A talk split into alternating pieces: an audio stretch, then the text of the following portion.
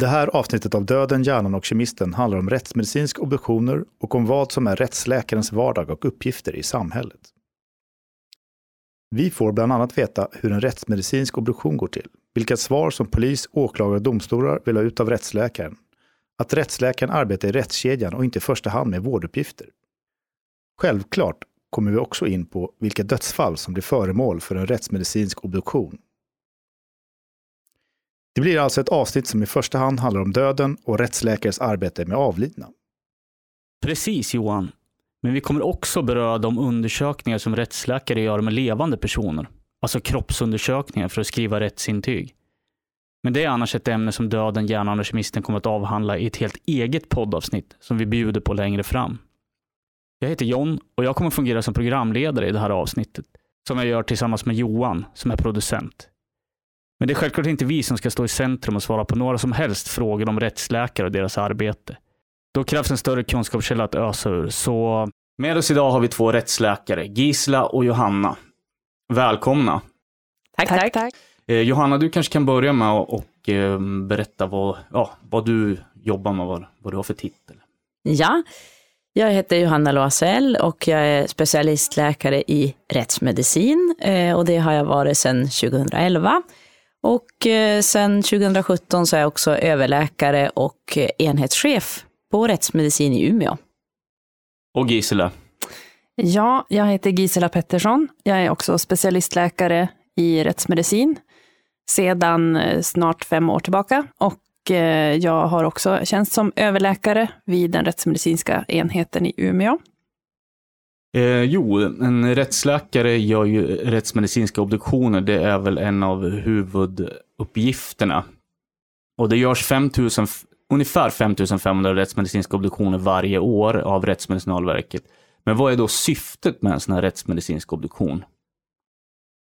Ja, ytterst så är det väl att eh, utesluta brott. Det är ju liksom andemeningen på något sätt till en början. Jag kan väl tillägga att det är ju de onaturliga dödsfallen som vi handlägger, så att det är ju när det inte, man inte tror att personen har dött, i varje fall av bara sjukdom, utan för att få säker dödsorsaksstatistik så behöver man veta eh, till exempel vilken drog var det som man överdoserade eller var det här verkligen ett självmord eller är det ett förtäckt mord eller hur gick den här olyckan till?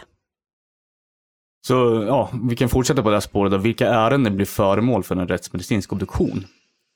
Ja, det är då eh, de, de dödsfall som den läkare som konstaterar dödsfallet ska känna igen som onaturliga. Och definitionen av det är att det ska inte bara vara orsakat av sjukdom, utan det är eh, det är oftast eh, när det finns någon yttre påverkan. Det kan vara skada eller förgiftning. Det kan vara att det är väldigt svårt att avgöra vad dödsorsaken har varit. Till exempel en, en tidigare frisk person som anträffas död helt plötsligt. Men det kan också vara för att kroppen är så, i så dåligt skick att det är svårt att avgöra dödsorsaken bara genom att titta på kroppen. Till exempel så har vi många förruttnade kroppar och vi har också sådana som inte gått att identifiera i grova drag när, när det är misstanke om onaturlig död, då ska, ju poli, eh, då ska ju läkaren göra en polisanmälan. Och det är ju först därefter som fallet kommer till oss. På uppdrag av? Polis och åklagare då. Mm. Man kan väl säga också det här med, med vilka dödsfall som ska polisanmälas och inte är ganska tajt reglerat egentligen i lagstiftningen på olika sätt i olika lagar och olika författningar. Men det som är lite klurigt är att det finns inte en sammanhållen dödsfallslag i, i Sverige som man bara enkelt kan slå upp. Det vill säga läkare som konstaterar dödsfall måste ha koll på ganska många olika typer av författningar. Eh, och, och, jag kan väl säga av ren erfarenhet, men även det vi har studerat, så är ju kunskaperna ibland lite svajiga där hos de läkare som konstaterar dödsfall. Så vi vet att vi missar ju ett antal dödsfall varje år som, som borde ha polisanmälts, men som inte gör det. Och det är ju lite trist, för då kan man ju potentiellt, om man nu är nojigt lagd, tänka att vi kanske missar sånt som verkligen skulle ha kommit till oss. Eh, men, men, Ob eh, obduceras de dödsfallen hos patolog då? Eller obduceras de inte alls? Ja, den största risken, nej det vet vi ju inte, utan det är ju som ett mörkertal. Gissningsvis eh, obduceras de inte alls. Nej. Därför att eh, även de som arbetar på klinisk patologi på sjukhusen har ju kunskaper om vilka dödsfall som ska polisanmälas och inte. Så om de får in en remiss och ser på den då att här finns det ju skäl för rättsmedicin, då brukar de vända sig tillbaka till den inremitterande läkaren och påpeka det. Och så hamnar det rätt till slut. Mm. Det är mm. inte ovanligt, men, men eh, ja, de, de, mörkertalet så att säga, de finns nog bland de dödsfall som inte polisanmäls alls eller inte skickas heller till någon klinisk obduktion.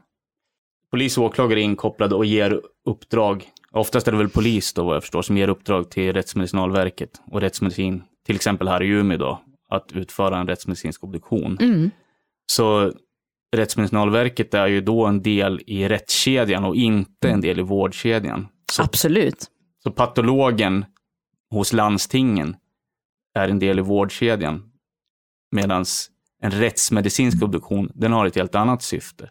Det är ofta, inte alltid, en, en brottsutredning kan det vara eh, en del i, men det är också för att lagstiftningen är sådan att vid ett visst antal kriterier som vi har räknat upp då, då anser samhället på något sätt att då ska polisen kopplas in. Det är inte för att det alltid är mord, utan det är för att man ska undvika att eh, sådana dödsfall som polis borde utreda, att de missas. Så det är ganska vida kriterier in.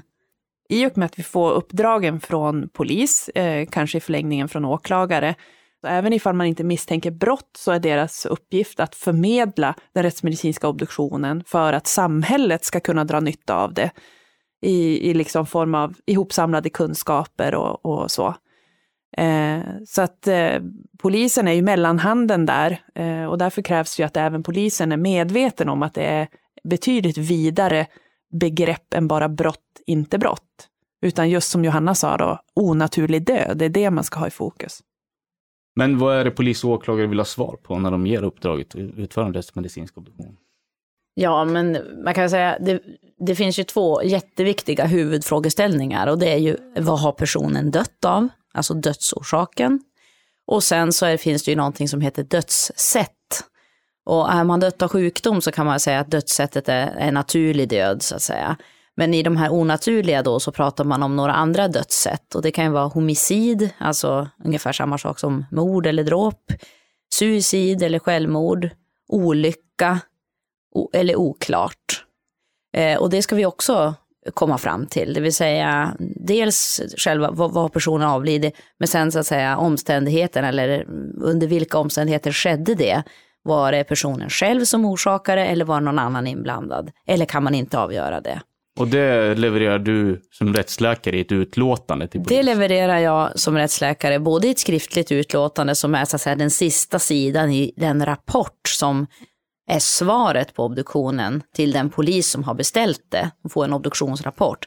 Men också till Socialstyrelsens dödsorsaksregister där det liksom går iväg en elektronisk blankett med svaret på de här två frågorna som jag just sa då.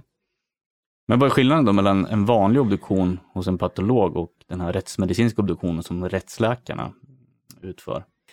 Alltså den kliniska obduktionen syftar ju till att kartlägga och leta sjukdom. Kliniska, det är den som det, patologen gör? Precis, det är den som görs på sjukhusen, eh, på patologavdelningarna där. Eh, och då ligger ju fokus på det. Eh, man bryr sig ganska lite om hur det ser ut på kroppens utsida. Man letar inte aktivt efter skador och andra fynd. Eh, man kan göra riktade obduktioner, alltså att man inte undersöker den hela kroppen utan bara ett visst organsystem till exempel. Den rättsmedicinska obduktionen å andra sidan tar ett lite vidare grepp där man undersöker kroppens utsida väldigt noggrant. För det kan vara där som svaret på, på många frågor finns.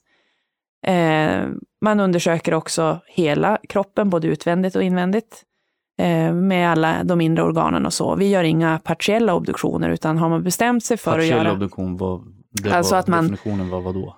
Att man bara skulle undersöka till exempel hjärtat och lungorna eller så, utan vi undersöker alla kroppens inre organ då. Det, det ingår liksom i konceptet att man gör det systematiskt eh, och fullständigt. Sen eh, vid den kliniska obduktionen så har man ganska begränsade möjligheter till att kartlägga misstänkta förgiftningar. Därför att man tar sällan några prover på kroppsvätskorna och än mindre analyserar dem. Medan det är en, en självklar del av den rättsmedicinska obduktionen. Man tar alltid prover och skickar?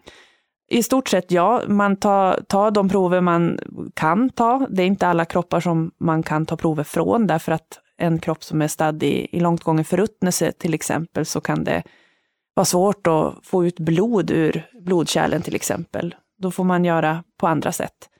Eh, och i stort sett alla obduktioner så tas det prover och de skickas då till rätts, eh, rättskemin för analyser där. Rättskemin på Rättsmedicinalverket? Ja, precis, i Linköping. Sen tas det också vävnadsprover som man kan titta på delar, eh, eller eh, organens eh, celler i mikroskopet för att se hur de har sett ut eh, på, på väldigt, väldigt eh, liten nivå så att säga, för att kunna kartlägga vissa diagnoser som man inte kan se med blotta ögat. Där kan vi väl lägga till att där är den kliniska patologiska obduktionen lite mer omfattande ofta. Så de kanske rutinmässigt tar mer prover och tittar i mikroskop. För det, Cellprover? Nej, inte, ja, det kallas inte det, men ah, för histopatologisk diagnostik, alltså de har tittat och tittar på tunna snitt av vävnaden i mikroskop. Det är ju liksom det de gör förutom att obducera. Eh, det är väl det som patologen gör mer av skulle jag tänka mig. Medan vi är mycket mer inriktade på trauma och förgiftning kan man säga. Men säg att polisen redan när kroppen kommer till rättsmedicin har misstankar om brott. Mm. Ja, eller mord till och med. Mm. Eh, vad är det viktigt att undersöka i sådana fall? Då? Är det någonting speciellt man behöver göra då? Då inriktar vi oss helt på det som polisen är eh, mest intresserad av så att säga. Då, då är det ju liksom en högre vaksamhet kring varje steg. Ofta får vi då in kroppen, om rättsläkaren kan ju också ha varit ute på fyndplatsen, det kan vi återkomma till, men annars kommer kroppen in i en eh, plomberad liksäck eller bodybag då, kanske med alla kläder och attiraljer kvar och så möter kriminalteknikerna upp vid obduktionen och så tar man liksom utredningen steg för steg och det är alltid polisen som liksom styr förloppet. Det kan vara så att de vill börja med att omhänderta kläderna på ett visst sätt och en viss ordning, dokumentera besudlingar med kamera och så vidare. Sen kanske det ska tas eh, eh, spårsäkringsprover, då gör kanske rättsläkaren det. Sen kanske de ska ta fingeravtryck och så vidare och så vidare. Man kanske ska kartlägga någon fiber eller någon vätska som har funnits på kroppen och då är det lite grann utifrån profession vem som gör vad då. Och så letar man sig steg för steg in liksom till den nakna kroppen och så sen har man alltid två läkare då som ska se alla fynd och vara överens om bedömningarna i ett så kallat tvåläkarförfarande för att liksom garantera att det blir en ja, hur ska jag säga, ännu högre grad av exakthet och noggrannhet när det rör de grövsta brotten. Jag kan väl bara tillägga också att inte sällan så görs det där till en skiktröntgenundersökning av den döda kroppen innan man överhuvudtaget öppnar den här plomberade bodybagen. Eh, som en tilläggsundersökning. Och där kan skiktröntgen vara till jättestor hjälp, eh, exempelvis om det har varit ett fall med projektil, alltså kulor. De syns jättebra på röntgenundersökningar till exempel. Alltså Men, kulbanor? Ja, jag kan väl säga att det är väl lite trubbigare med att kartlägga exakt eh, sårkanaler och så. Det är mer att hitta var är projektilerna belägna. Men visst så kan man ju se också skador längs en sårkanal exempelvis, som kan vara till, till guidning och hjälp till när man sen ska göra själva obduktionen. Men om vi säger att man, polisen vet inte om det finns kulor kvar i kroppen och det kan också vara två olika vapen med två olika sorters ammunition och då kan man redan efter skiktröntgen säga att det sitter en liten deformerad projektil i, i den högra kinden och så finns det en helt intakt uh, mantlad projektil i det ena benet. Då kan polisen redan där veta kanske att, men en, en indikation är att det är mer än ett vapen som används. Så kan man ge snabba och tidiga svar.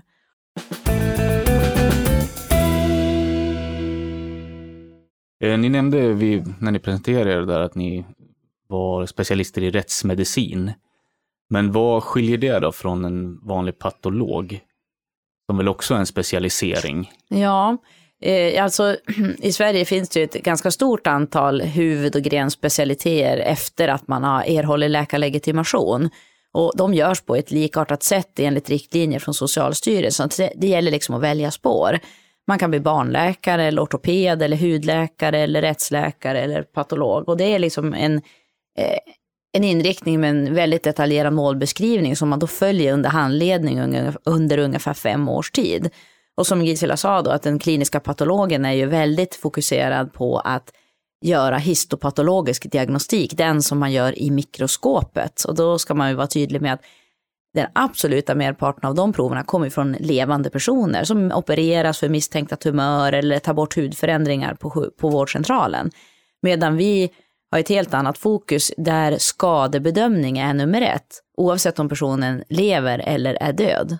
Just det, det är inte sjukdomar främst som ni... Det är nästan inte så mycket sjukdom alls, utan det är yttre påverkan, skada, förgiftning, våld. Har man någon kunskap om personen i övrigt när, när kroppen kommer in?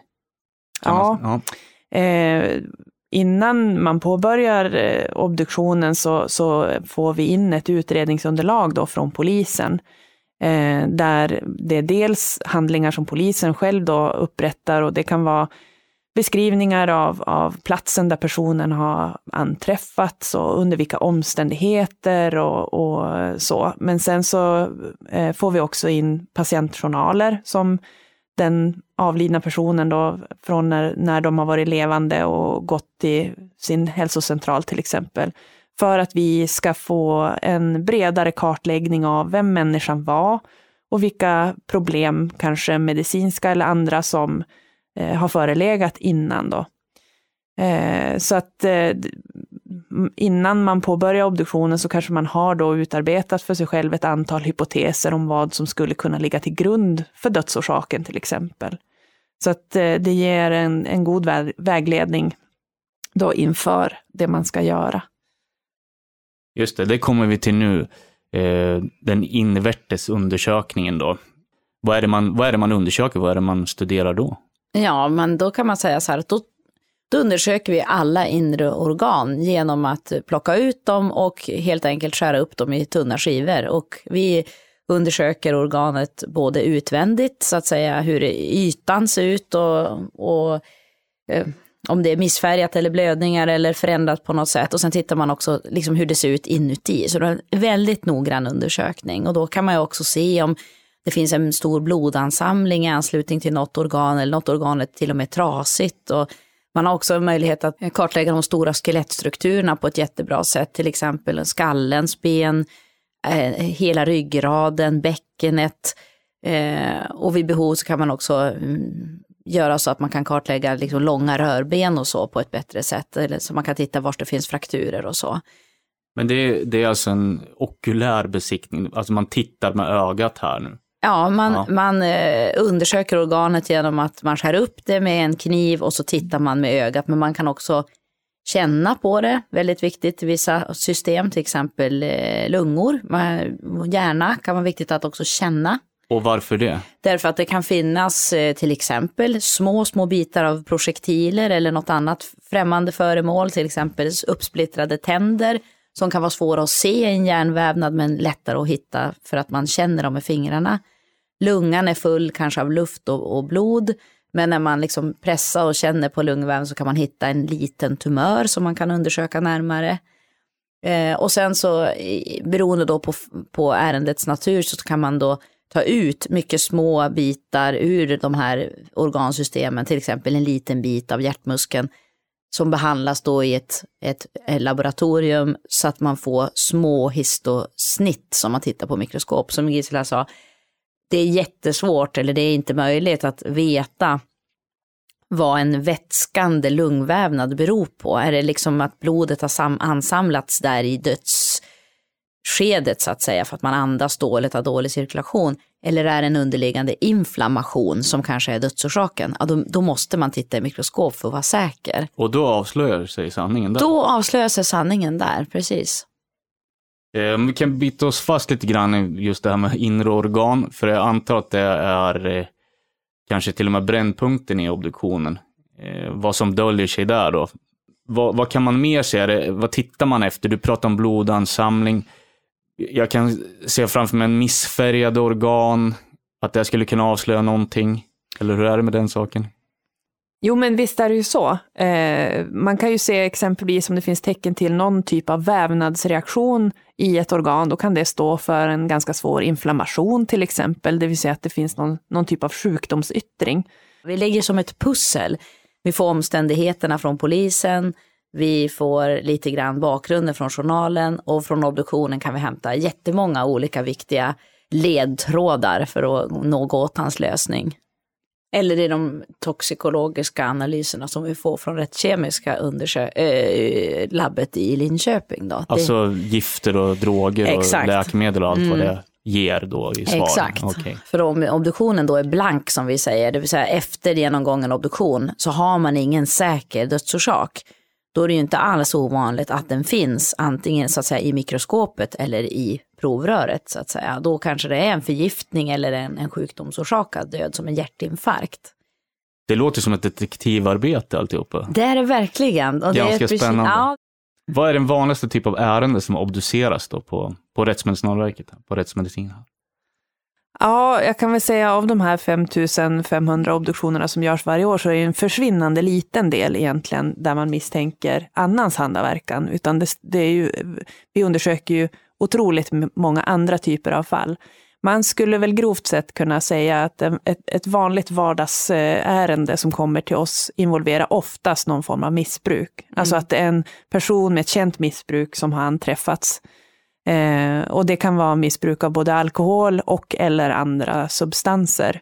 Men, Jag- känner jag- du sig, ja, förlåt Ja, Jonas. nej, men jag tänkte bara vi kanske ska bro- brodera ut lite där. Varför ska de till oss?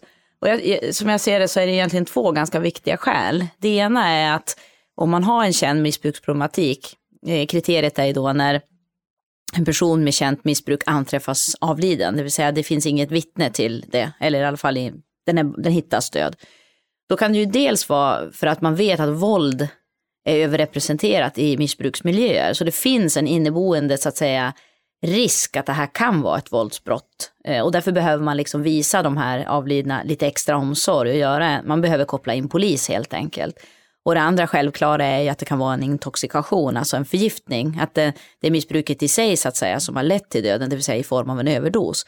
Och det kan ju vara jätteviktigt att kartlägga eh, om det kommer ut nya droger på marknaden eller starkare versioner av en tidigare substans som till exempel fentanylanaloger och så vidare. Va? Där kan ju Rättsmedicinalverket bidra till att snabbt identifiera en ny och jättegiftig drog som snabbt slår ut många missbrukare.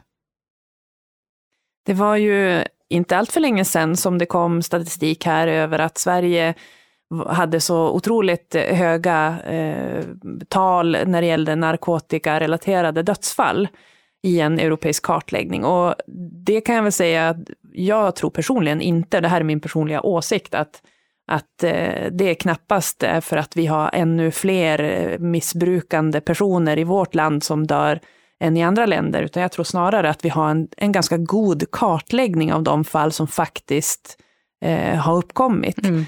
Och att man i andra länder kanske inte har riktigt samma täckning. Ja, man gör inte lika många rättsmedicinska obduktioner per, in, per capita helt enkelt. Ja, men det kan också ha andra skäl, alltså att man har lite andra eh, sätt att, att hantera de typerna av dödsfall och man kanske inte analyserar lika Nej. noggrant i, i liksom de rättskemiska analyserna som vi eh, då gör eh, och så vidare. Det finns nog många olika skäl till det, men i det stora hela så, så tror jag att vi som sagt har en ganska Eh, god förmåga till att kartlägga, jag ska inte säga 100 procent för det tror jag inte, men, men eh, bra nog nära av förgiftningsrelaterad död i vårt land. Och då ger det ju avtryck i statistik, men då gör det också att Sverige kanske sticker ut lite grann och då kan man ju oroas över att, att eh, ja, har vi så, så mycket narkotikarelaterad död jämfört med andra länder? Det finns nog mörkertal där.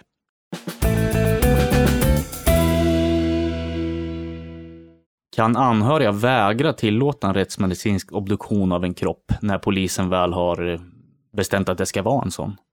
Nej, nej det kan de inte. Eh, det är en stor skillnad mellan en klinisk patologisk obduktion och en rättsmedicinsk obduktion. Och det faller sig egentligen ganska logiskt om man tänker på varför man ska göra en rättsmedicinsk obduktion. Därför att vid ett misstänkt mord så att säga så är det ju inte helt ovanligt att det är en person som är ganska nära knuten till den avlidne som är gärningspersonen så att säga, som är mördaren. Och då kan man inte låta närstående neka till obduktionen därför att då skulle man ju, ja så att säga, då skulle det vara mera osäkert om man kunde utreda mord, för då kan ju mördaren själv hindra utredningen av brottet. Så, att så, så kan, det, kan det inte vara. En, en stor del av ert arbete är vad jag förstår då att hantera likomvandling som ni säger då. Och det är helt enkelt att en kropp ja, förändras av att ligga död länge då, Mm. över tid. Men hur påverkar det den rättsmedicinska obduktionen? Nej, men så, såklart är det så att ju mer eh, nedbrytningen av kroppen har fortskridit, ju så, ja, av jord är du kommen, av jord ska du åter vardag. Va? Det, det gör ju inte vårt utredningsarbete lättare, utan det gör ju det svårare. Men det är också därför som man har valt förruttnelse som ett inklusionskriterium för pol- polisanmälan.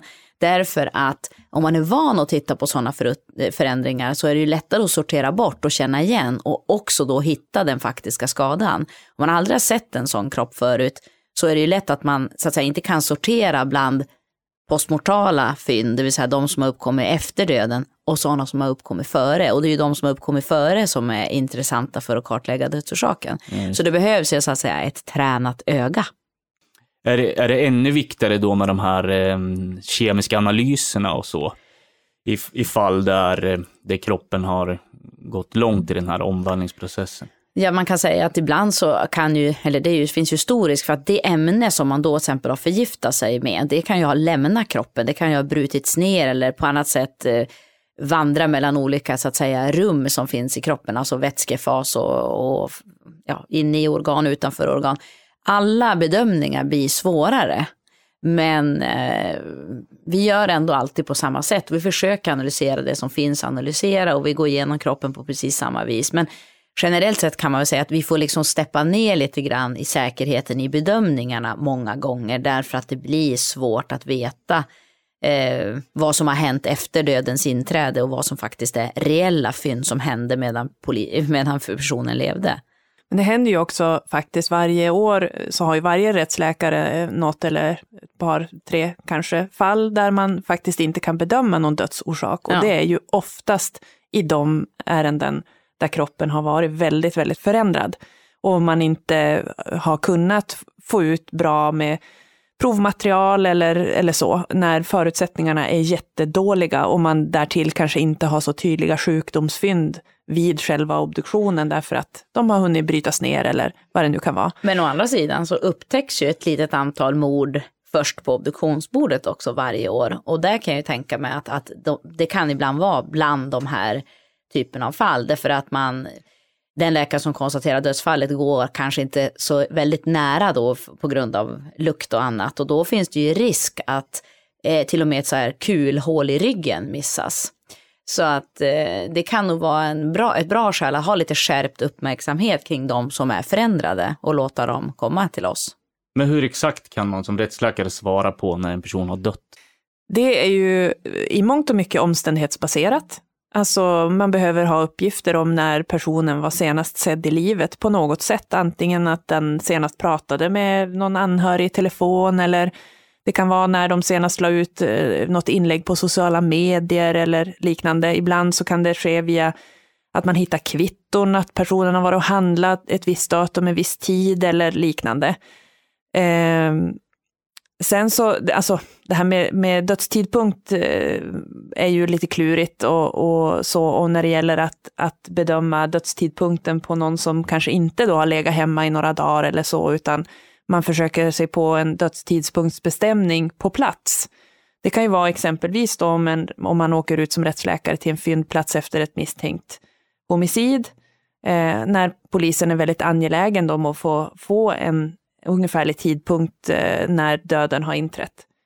Så på en färsk död kropp kan man ju göra en, en massa olika tester då för att försöka kartlägga närmare eh, ett tidsintervall åtminstone. Det är ingen exakt vetenskap. Eh, det är inte som på CSI att man får en tid att det var På tv? ja. Ja, exakt. Klockan 14.23 händer det. Ja, det är väl ifall det har varit bevittnat och, och en, en, eller filmat eller liksom på något sätt där det finns en tidsangivelse. Men att bara hitta en död kropp och sen gå fram och känna på den och göra lite grejer och sen säga så exakta klockslag, det är inte möjligt. Ja. Eh, utan det blir väldigt mycket eh, också där ett pusslande. Men Eh, du säger att polisen kan vara angelägen ibland att få en dödstidpunkt. Det har ju mycket med alibi att göra. Eh, att, att de som är misstänkta eh, kanske har alibi för vissa tidpunkter men inte andra. Och därför är det viktigt, precis som Gisela sa, att vi, vi pratar ju sällan om dödstidpunkt utan kanske ett intervall på ett antal timmar under vilken som döden mest sannolikt har inträtt då. Och då måste man ju vara tydlig där med att det är det kan vara klockan ett, men det kan vara klockan två, det kan till och med vara klockan tre, va? så att man liksom inte snävar in sig för mycket i de där eh, tidpunkterna som man inte kan vara så himla säker på, utan det, det, det är inte jätteexakt. Men det är klart att det spelar roll om polisen vet att vederbörande var i Malmö dagen innan, men inte dagen efter. För jag har också förstått att eh, ibland ringer polisen och vill att ni ska komma till en fyndplats. Alltså att Mm. rättsläkaren ska infinna sig där man har hittat en kropp. Mm. Och vad gör ni för arbete där då? För där finns väl inget obduktionsbord kan jag tänka mig. Nej, det, precis. Obduktionsverksamhet är inget vi bedriver i fält, utan vår huvuduppgift eh, där det är att bistå kriminalteknikerna som då eh, så att säga äger platsen eh, och deras arbete. Med vad? Ja, men det kan vara dels det här att de är intresserade kanske av när personen har avlidit, att man vill undersöka kroppen för att kunna kartlägga det närmare eh, och ge någon sorts uppskattning eh, kanske över en dödstidpunkt. Men det kan också vara att det är lite märkliga omständigheter på platsen, det kanske ser ut på ett visst sätt som föranleder en misstanke om att någon annan har varit där och gjort någonting, kanske tecken till strid eller annat eh, där kriminalteknikerna vill så att säga få hjälp med vår kliniska blick för att se så här, kan det här vara eh, röra sig om ett homicid eller kan det vara bara en olyckshändelse eller vad rör det sig om det här egentligen? Eh, så att där, där blir det ju liksom ett samarbete eh, när vi jobbar tillsammans runt frågeställningar då på platsen. Och det, det kan ju vara jätteviktigt för polisen att få en snabb indikation på, det kan finnas tecken som vi ser då att det här är nog mest, mest talar ändå för ett självmord. För det finns typiska eh, andra skador, till exempel som provsnitt eller det visar att det, här, det finns tecken på att det här har personen gjort själv. Och då kan man ju avblåsa en, en mördarjakt i tidigt eh, skede därför att man på ganska goda grunder kan säga att det, här ta, det finns mycket tecken här på kroppen som talar för att det här har personen gjort själv. Och å andra sidan då så kan det vara väldigt uppenbart i vissa fall att men det, det, här, det här är mycket sannolikt att det är någon annan som har varit inblandad. Det finns en kniv i ryggen och, och så vidare och så vidare. Va? Eh, och då kan de behöva veta så här, vad, vad är den troligaste dödsorsaken? Har personen dött fort? Och så kan man ge som lite övergripande information från platsen och sen så lägger man upp då när ska vi göra obduktionen, vilka ska vara med och så får man liksom resten kartlägger man ju hos oss då. Men kan ni som rättsläkare ha nytta av att vara på en fyndplats? Eller är det bara polisen? Nej, det är, vi, vi har jättestor nytta av det, för man får en helt annan förståelse för kanske till exempel en liten hudskada i ansiktet som man funderar över. Och då har man ju sett att ja, men kroppen låg mot en bordskant och därför så är det ett märke av bordet. Eller det, det är oerhört värdefullt för oss. Och ju, ju, liksom, ju mer komplicerat ärende desto mer ger det oss att ha sett kroppen i, i det kontext där den hittades och inte bara liksom få den från säcken och, och upp på bordet.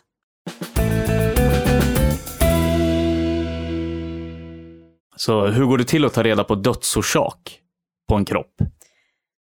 Ja, men vi, vi, det kan vara, vissa dödsorsaker kan vara så att man redan vid den yttre undersökningen så får man en stark misstanke om vad det här kan röra sig om. Det kan finnas ett rep fästat runt halsen och under den finns det en hudskada som precis motsvarar repets utseende.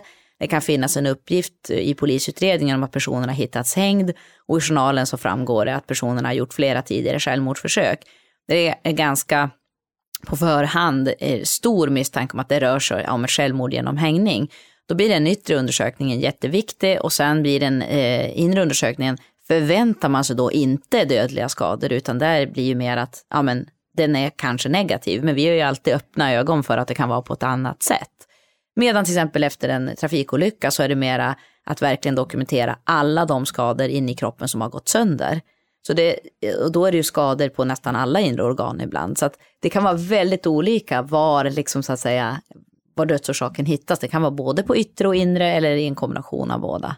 Så trafikolyckor hamnar alltid på rättsmedicin? De ska göra det eftersom att, att, att eh, det är i en, så att säga, en kollision, det är ju inte sjukdom, det är yttre påverkan. Så att egentligen ska alla döda i trafikhändelser polisanmälas.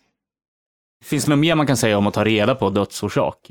Ja, som vi har varit inne på tidigare så är det ju ett, ett väldigt pusslande. Vissa ärenden är ju lättare än andra. Ibland så kan man få, få fundera väldigt mycket och, och gnugga geniknölarna och konsultera kollegor och, och, verkligen försöka eh, kartlägga noggrant eh, och pussla på innan man kommer fram till vad som är mest rimligt i sammanhanget. Medan andra Eh, Eh, ärenden, då är det mycket lättare att man kanske har en dödsorsak klar direkt vid obduktionen. Så det kan vara ett stort spann och bero på många olika faktorer vad det är man till slut eh, kommer fram till. Eh, men sen har vi också våra uttryckssätt när det gäller hur, alltså hur vi kan uttrycka hur säker vi kan vara på någonting och inte. Och de kan man också laborera lite grann med språkligt i den här rapporten. Att man i vissa fall så är man supersäker på en dödsorsak. Då kanske man säger att fynden och omständigheterna visar att döden har orsakats av det och det. Ett skott i hjärtat. Ja. Mm. Och i andra fall så kan det bli eh, något i stil med att eh, eh fynden talar möjligen för eh, någonting då. Eh, så att det, vi, vi har liksom olika uttryckssätt där man kan på något vis försöka förmedla att det här är vi mer säker på eller det här är vi mindre säker på.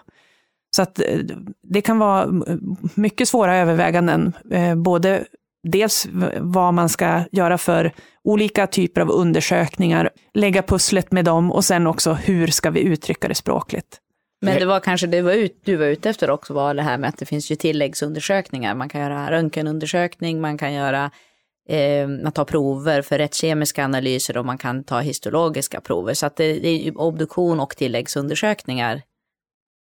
Just det här pusslet som vi har varit inne på flera gånger. Händer det att ni vaknar på nätterna och tänker på något ärende sådär? Nej. Och hur det skulle kunna vara och så? Aldrig ska jag säga. Nej, men alltså, jag, kan, jag kan ibland så här visa ja men, eh, när jag har tränat eller är så här sjukt avslappnad, då kan liksom så här, ja men så här kanske jag kan skriva eller det, det kan komma upp någon ny dimension som har liksom inte varit tillgänglig under dagens stress. Men inte på det sättet att jag ligger liksom vaken och grunna, utan det är mer som så att jag får, får tillgång till en, till en ny dimension. ja, det, det kan, jag kan hålla med där, att inte sällan så kan det vara mer så här, hur hur ska jag förmedla det här? Ja. Alltså just så språkliga formuleringar, det är en sån där sak som jag tycker kan trilla ner hos mig i oväntade, vid, vid oväntade tidpunkter när jag inte är på jobbet. Så det kan jag väl hålla med om. att ja, men, men, om... det, men, det, är inte så mycket att man ligger vaken på nätterna sömnlös av oro över någonting. Det, så är det absolut inte. Jag har inga problem med att lämna jobbet på jobbet. Men eh, ja, det, är, det är hur man ska formulera själva utlåtandet. Man, man får aldrig någon så här eureka-moment där man säger, nej men herregud, han är ju mördad. Alltså som vi har sagt tidigare så är vi ganska liksom systematiska och vi gör på samma sätt varje gång. Så det, det, liksom, det lämnar inte så mycket utrymme för att man skulle liksom ha hoppat över någonting. Men, men där har vi också våra, våra möten som vi har varje dag. Vi, vi föredrar liksom fallen för varann. Och det är därför att det som man själv inte har tänkt på, kanske någon smart kollega har tänkt på, att när ni har det här ärendet, glöm inte då att göra det här, för, för det gjorde jag förra gången och det blev jättebra. Så att vi tar ju hjälp av varann genom att liksom, ja, gå igenom alla fall, både före och efter obduktionen, för att, för att få liksom alla kloka tankar. Just det här utlåtandet som Gisla du nämnde, att man, om man är osäker så försöker man, försöker man formulera det. Men hur formulerar man det då när man inte lyckas ta reda på dödsorsak? För det förekommer ju, sa du, några sådana fall. Ja, ja men då blir det så. Att eh, det blir kanske något att, i stil med att trots de utförda undersökningarna har dödsorsaken inte med säkerhet gått att fastställa till exempel. Den språkliga delen av rättsmedicinen, det är ingenting som någonsin får någon uppmärksamhet, men vi lägger ganska mycket tid på och tankeverksamhet på hur, hur ska vi få fram budskapet så att säga till våra beställare? Precis, och varför är det viktigt? Ja, för att mottagaren är ju ofta en medicinsk lekman som, som måste kunna tillgodogöra sig informationen eh, på, på vanlig svenska, alltså på ett språk som alla ska kunna begripa. Och det är inte jättelätt när vi är länken liksom mellan en ganska ibland krånglig medicinskt eh, språklig värld eh, och liksom det svenska språket som ska vara tillgängligt för alla då. Finns det ingen latin i de här rättsmedicinska utlåtandena? Nej, vi uttrycker oss bara på svenska. Och det är klurigt eh, kan jag säga. Men det finns också en annan dimension i det, eh, att vara liksom eh, mellan juridiken och medicinen. Därför att juridiken är ofta svart eller vit. Den är, var det han eller var det hon? Hade du alibi eller hade du inte? Medan medicinen är så att det kan vara det, men det kan också vara det och man kan inte vara riktigt säker och det beror på vad man har tittat på. Den är mycket, mycket mer lurvig i kanterna. Och, och liksom att inte vara då mer säker att inte ge polisen en indikation om att man är mer säker än vad man är. Samtidigt så att gå så långt som man faktiskt kan gå med, med, på basen av det man har hittat. Det är ju liksom en konst, för vi måste hela tiden vara jättetydliga och transparenta så att polisen inte liksom kanske stänger en förundersökning för, på felaktig grund för att de missuppfattar vad vi menar med det vi skrev. Så det får ju som inte förekomma.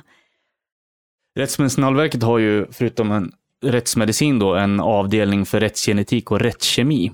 Och då har vi redan pratat om, ni skickar prover dit eh, i stort sett på alla de rättsmedicinska obduktionerna förstår jag, för analys. Då. Ja, för rättskemi i varje fall. Inte för rättsgenetik, det är mycket ovanligare. På, till rättskemi. Mm. Och eh, kan vi prata lite mer om de här proverna? Vad är, vad är det för svar man får på i de här analyserna som ni behöver för att, för att skriva utlåtandet? Då? De vanligaste kroppsvätskorna som vi skickar är blod, urin och ögonvätska. Och eh, då kan vi beställa olika typer av analyser. Det kan vara alkoholer, det kan vara eh, läkemedel, eh, det kan vara även annat. Men, men när vi beställer så att säga en läkemedelsanalys, då görs först en screening. Det är oftast på blodet i första hand som man undersöker. Då. Det är så att säga den, den vätskan man prioriterar först. Så att den här första screeningen är som ett sållningsinstrument för att se vad man kan få träff på olika typer av substanser. Och den är otroligt... Och de ska man sen verifiera då? I, Exakt, i för då, då följer liksom en, en noggrannare analys efter den här första screeningen. Och då kan man få ut då i vilken koncentration en viss substans har haft Eh, och sen så får vi göra den bedömningen då om koncentrationen är nog hög för att kanske ha orsakat en dödlig förgiftning eller inte. Och det kan vara klurigt ibland eh, och ibland är det jättelätt. Ja, det finns alltså läkemedel som kan uppnå en högre dos efter att en, en person har dött. Ja, det är väl snarare kanske att den bryts ner då. Eh, men det, ja, och bildar ett annat giftigt ämne? Eller? Ja, att den, den kan brytas ner på olika sätt. Men det kan också vara lite som Johanna var inne på, att, att eh, kroppsvätskor och substanser kan flytta lite grann i den döda kroppen. Eh, att det kan flyta mellan olika vätskeskikt eller eh, olika organsmembraner och sådär. Och då kan koncentrationerna i den vätskan som man då analyserar ha ändrat sig. Mm. Att, eh, och, det, och det här, det, det, finns en hel vetenskap om det. det är kallar... det matematik att räkna på det då, eller hur funkar Nej, det? Nej, det är nog mer biokemi. ja. Okay. Att läkemedlet finns i en hög koncentration i magsäcken, men sen så vandrar det då genom magsäcksväggen och in i blodkärlet för att magsäcken bryts ner och då blir det liksom en mycket högre nivå i blodet än vad personen faktiskt hade när den dog. Det är sån här postmortal redistribution, skitsvårt ord men mm. spännande. Så det, det, är inte alltid helt lätt och ibland får man pussla även där. Mm. Eh, därför att ibland så kan man misstänka att det är en dödlig förgiftning. Eh, och då kanske man behöver ta ett hårprov där man kan se eh, liksom hur har personen brukat den här substansen tidigare och kanske vant sig vid den det vill säga att den personen kanske tolererar en högre koncentration av den substansen, att det inte blir dödligt en dödlig förgiftning för person A, men det kanske blir det för person B, fastän det är samma koncentration det handlar om. Mm. Men kan, kan ni göra nytta av att bolla med någon expert på rättskemi då? En toxikolog eller någon som... Oh ja, det okay. gör vi ganska ofta. Eller okay. det kanske är beroende på vilken läkare, men jag tar kontakt rätt ofta för att diskutera eller fråga eller så. Och rättskemin är ofta till otroligt stor hjälp. Eh, de är ju jätteintresserade av sitt område naturligtvis och de både forskar och, och efterforskar väldigt mycket och hänger med. Så att eh, där vi har ett väldigt gott samarbete, det tycker jag. Nu har jag en spännande fråga som jag har suttit på här. Har det hänt att ni under obduktion har insett att den här kroppen som ni obducerar har blivit utsatt för ett brott, alltså blivit mördad? Jag har inte varit med om det personligen, men vi har ju haft flera sådana fall på den här enheten. Jag vet Mm. inte vad du säger Gisela? Ja, jag har haft ett sånt här fall där det var, ja, det fanns en ganska stark misstanke om redan innan kroppen kom, att eh, det verkar som att det kanske har varit våldsamt här. Eh, och sen när jag då undersökte kroppen, eh, som ändå hade kommit in under premissen att det skulle vara så att säga en, en vanlig rättsmedicinsk obduktion, så kunde jag ju ganska snabbt se att jo, det här har varit väldigt våldsamt. Alltså att det fanns väldigt mycket skador och därtill fanns det mycket skador runt omkring halsen som föranledde en misstanke om att personen skulle ha blivit strypt. Eh, så då fick jag ju liksom pausa och eh, ringa upp polisen och säga att jo, men jag tror verkligen att det är någon annan som har varit inblandad här. Eh, och eh, ja, det ärendet slutade ju i rätten så småningom. Och det har ju hänt, som Johanna sa, också andra kollegor. Eh, vi har ju haft ett ganska uppmärksammat fall uppifrån Norrbotten där en kropp var stadd i förruttnelse Mm. som kom och där en kollega då vid obduktionen hittade faktiskt ett kulhål i Mm. bakhuvudet. Eh, och det, det, det är ju kanske det mest spektakulära, att han hade också faktiskt blivit skjuten. Eh, Mm. Ja, det var det ganska uppenbart. Det är ju en del elände som ni stöter på då, förstår man ju när man hör vad det är ni arbetar med. Påverkar det en eh, känslomässigt som person någonting? Eller hur hanterar man de här? Jag menar, ni obducerar ju barn ibland. Mm. Mm. Man kan väl säga generellt så har vi ju gott stöd av varandra. Och när man kommer som ny ung ST-läkare eh, och påbörjar sin utbildning för att bli eh, rättsläkare så har man ju ganska tajt handledning. Så sådana eh, såna här tankar och funderingar har nog alla haft någon gång under sin karriär, liksom, särskilt i början, innan man har hittat riktigt balansen där i det personliga, eller professionella ska jag säga, förhållningssättet. Eh, men där, där så, så har vi ju stöd av varann och eh, stöd av sin handledare. Men sen så är det väl också lite grann så, eh, så är det för mig personligen i alla fall, att man kan gruva sig innan man gör saker, därför att det är väldigt eh, rörande omständigheter. Men när man väl kommer ner i salen, då är det ju som att vetenskapspersonen tar över. Och då blir man ju bara fokuserad på att kartlägga så gott man kan och göra sitt jobb. Ja, det är ju då ni gör som mest nytta också då. Ja, jag tror personligen att skulle man, jag tror man känner ganska snabbt om man, liksom har en, en, om man klarar av det så att säga. Jag tror, jag tror kanske inte att det är ett jobb för vem som helst, för själva förutsättningen är ju att du ska eh, vara så intresserad av så att säga att utreda dödsfallet så att det här känslomässiga ändå blir det är klart att det finns där, men det får inte liksom styra eller påverka. Och du måste ju må bra hela tiden. Du måste ju kunna vara på jobbet och fungera. Och du måste fungera hemma och ha ett liksom fungerande privatliv och må psykiskt bra. Och klarar man det, ja, då passar man jättebra som rättsläkare. Men mår man dåligt eh, över olika fall och går och grunnar på dem, då kanske man ska välja en, en, en annan inriktning. Vi har pratat om eh, vad som kanske är huvuduppgiften för en rättsläkare då, att göra rättsmedicinska obduktioner. Men det, det finns ytterligare en upp, uppgift som eh, ni utför med regelbundenhet och det är rättsintyg. Ja, Jag tänkte i vart fall att vi skulle nämna det, även om vi kommer göra en podd om bara det sen framöver. Ja, men det är ju bra för som rättsläkare så förknippas man ju väldigt mycket med döden. Och det kan i alla fall jag som person bli lite trött på. För vi har ju en, en annan uppgift som är precis lika stor. Ja. Lika många ärenden per år handlar ju om de som fa- fortfarande lever.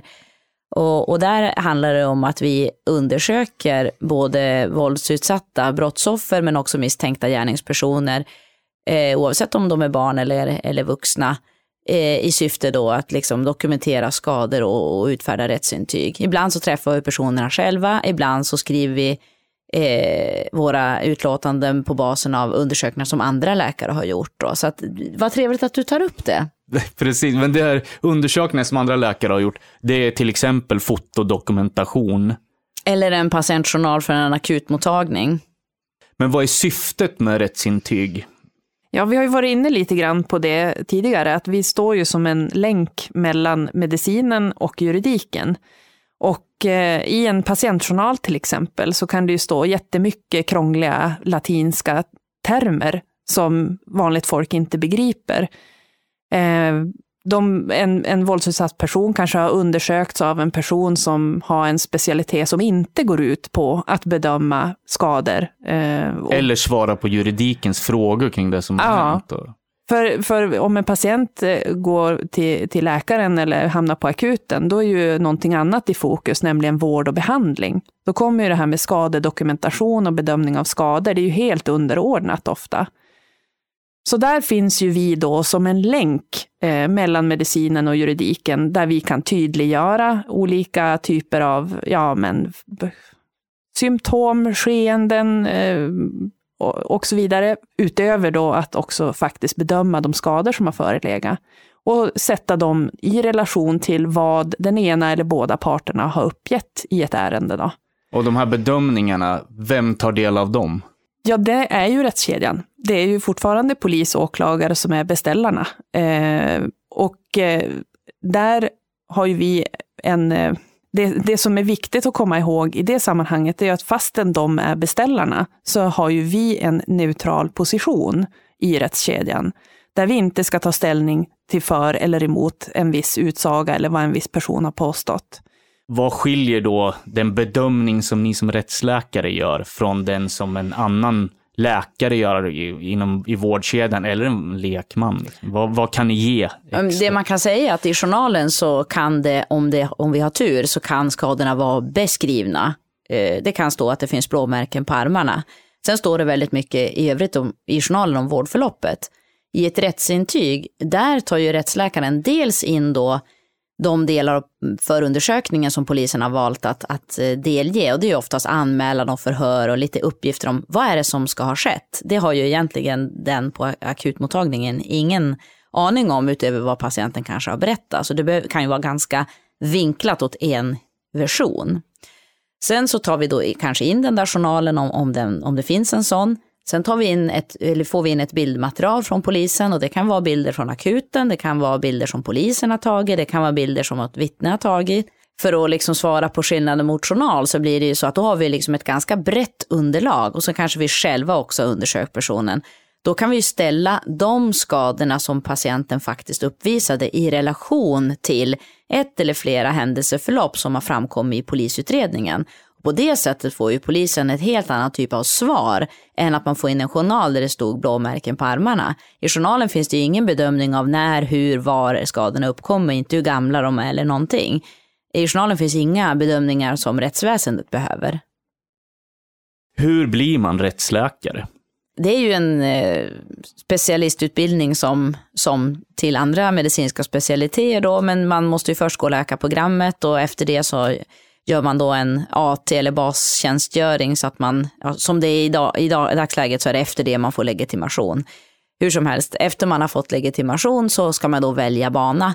Och väljer man då rättsmedicin då måste man få då en sån här utbildningstjänst, en ST-tjänst vid en rättsmedicinsk enhet. Där man då genomgår en väldigt eh, noggrann och målstyrd utbildning i det här ämnet under handledning i ungefär fem års tid. Så det, det skiljer sig inte liksom från, från andra medicinska specialiteter. Men eh, varför blir man rättsläkare? Var, eh, jag menar, det finns ju massa specialiteter. Det fin måste finnas en anledning till att ni två valde den här. Ja, alltså grunden är väl att det är ju sjukt spännande. Eh, det, och jag menar, jag har väl som alla andra personer sett på kriminalserier på tv och läst kriminalromaner och så här. Och, och rättsmedicinen är ju kittlande och lockande.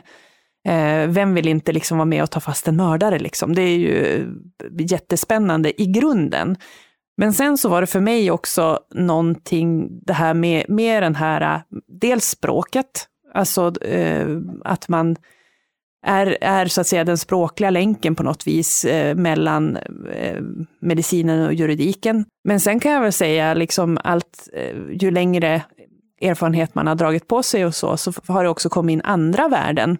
Och det är väl framförallt eh, det här med att jobba för samhället och för liksom människorna som finns i samhället. Men sen så tror jag, både, jag tror vi har pratat om det förut Gisela också, att det här med, det kan låta lite floskelaktigt, men att, att faktiskt vara en del i, i den svenska statsförvaltningen och det, de särskilda liksom, krav som finns på statsanställda. Att liksom man, man får förvalta offentliga medel och ska liksom utföra ett uppdrag under ganska givna ramar.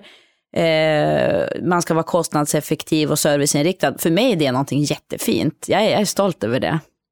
Men sen så, man ska inte sticka under stol med att det är ju ett, ett galet spännande detektivarbete Absolut. som vi fyller våra dagar med. Alltså det är intellektuellt utmanande, det man måste hela tiden vara på tårna, man måste liksom kunna väldigt mycket inom medicinen, man måste kunna mycket fysiologi exempelvis då för att kunna förstå ett dödsförlopp och så vidare. Alltså det, det, Det är det, det är otroligt mångfacetterat och vi gör ju också en, en alltså, vi har stor variation inom själva yrket också. Mm. Alltså vi gör så många olika saker. Det är jätteroligt att ha polisen som samarbetspartner. Man får liksom en, en dimension som är långt utanför sjukhuset. Man får liksom vara en del av någonting som är mycket större än en liten vårdutredning av en patient inne på en avdelning. Det här är liksom utåtblickande och i, i arbetet med klinisk rättsmedicin så kommer jag också i kontakt med såna här samverkansforum som Barnahus där det också blir ganska mycket beteendevetenskapliga in, inslag. Så att det, det är liksom, det tar aldrig slut. Så ingen av er ångrar vi- vilken specialisering ni valde? Absolut, inte. Absolut inte. Världens bästa läkarjobb.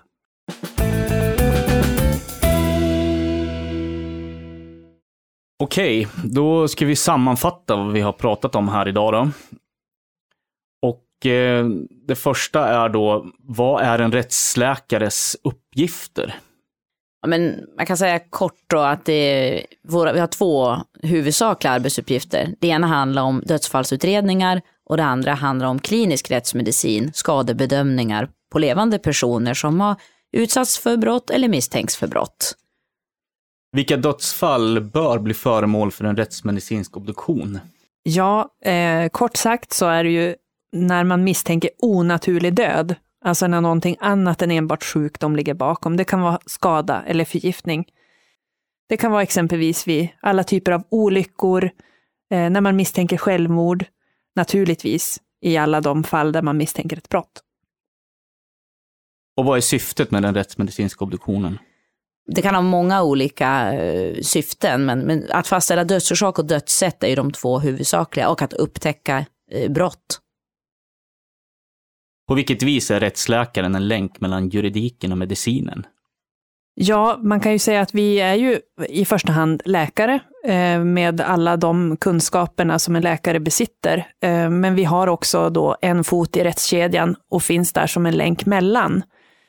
Och där vi då ska bistå rättskedjan med att förstå eh, vad i liksom, medicinska fynd som kan sättas i relation med påstådda händelseförlopp exempelvis.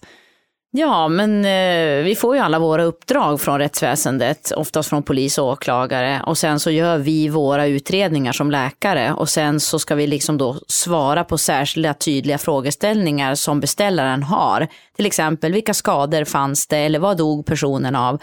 Och våra utredningar används ju då inte helt sällan som, som bevismedel i olika eh, rättegångar eller eh, rapporterna används i förundersökningar för att förklara hur de medicinska fynden kan sättas i relation till den polisiära eller eh, rättsliga utredningen helt enkelt. Supertack för att ni ville komma hit idag och berätta vad en rättsläkare gör och vad en rättsläkare har för uppgift i samhället helt enkelt. Tack själv. Tack!